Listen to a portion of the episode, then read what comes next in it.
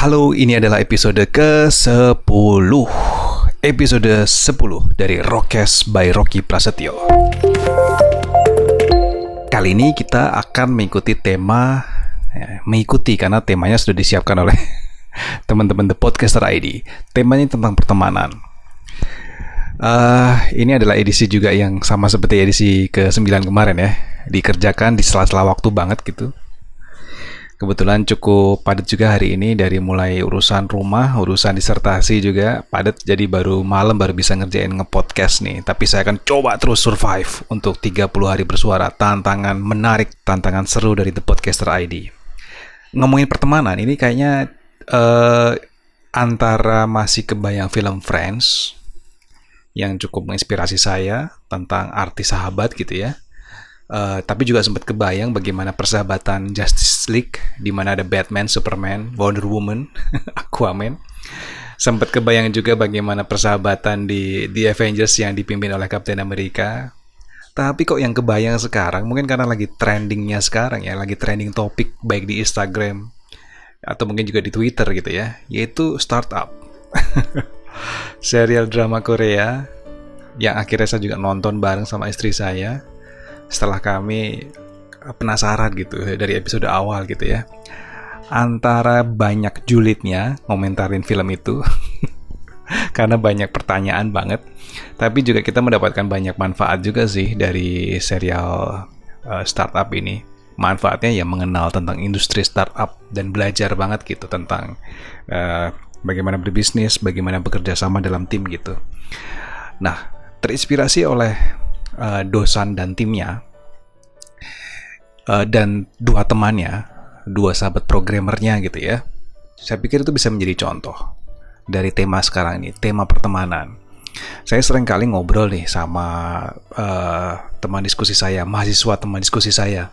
Kebetulan saya juga masih mengajar gitu ya, dan mengajar di dua mata kuliah yang seru-seru banget loh.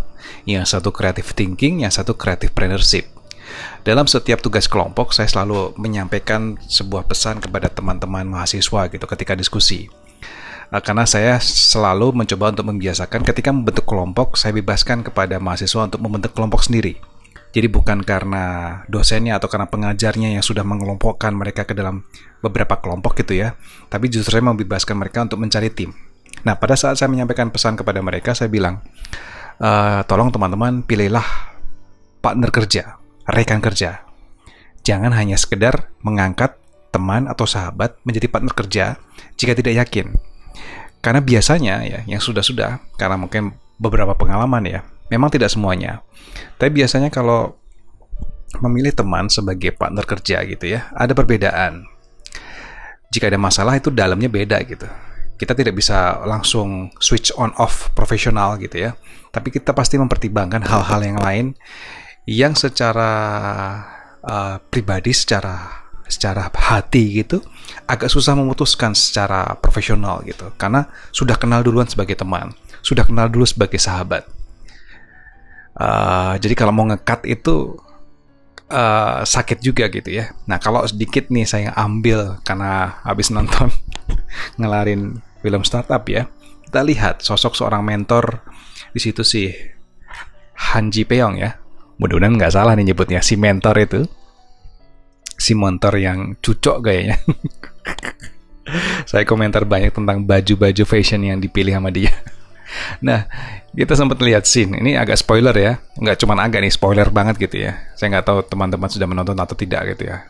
Atau belum gitu. Tapi di situ kita akan lihat bahwa sosok mentor ini memang selalu berkata tajam gitu.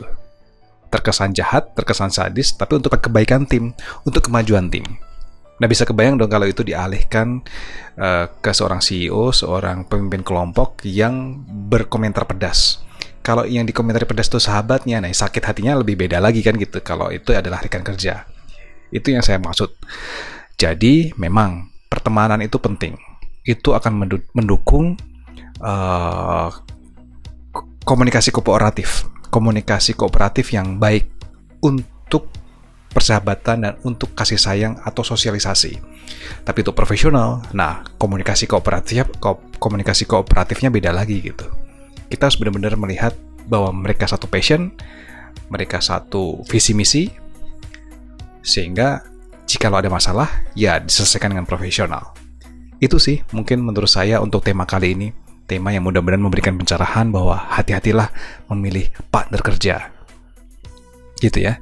Mudah-mudahan terinspirasi dan kalau ada komentar bisa share message, uh, bisa lewat anchor atau lewat email bahkan. Terima kasih teman-teman telah mendengarkan episode ke-10 episode pertemanan untuk tantangan 30 hari bersuara dari The Podcaster ID. Saya Rocky, sukses untuk kita semua.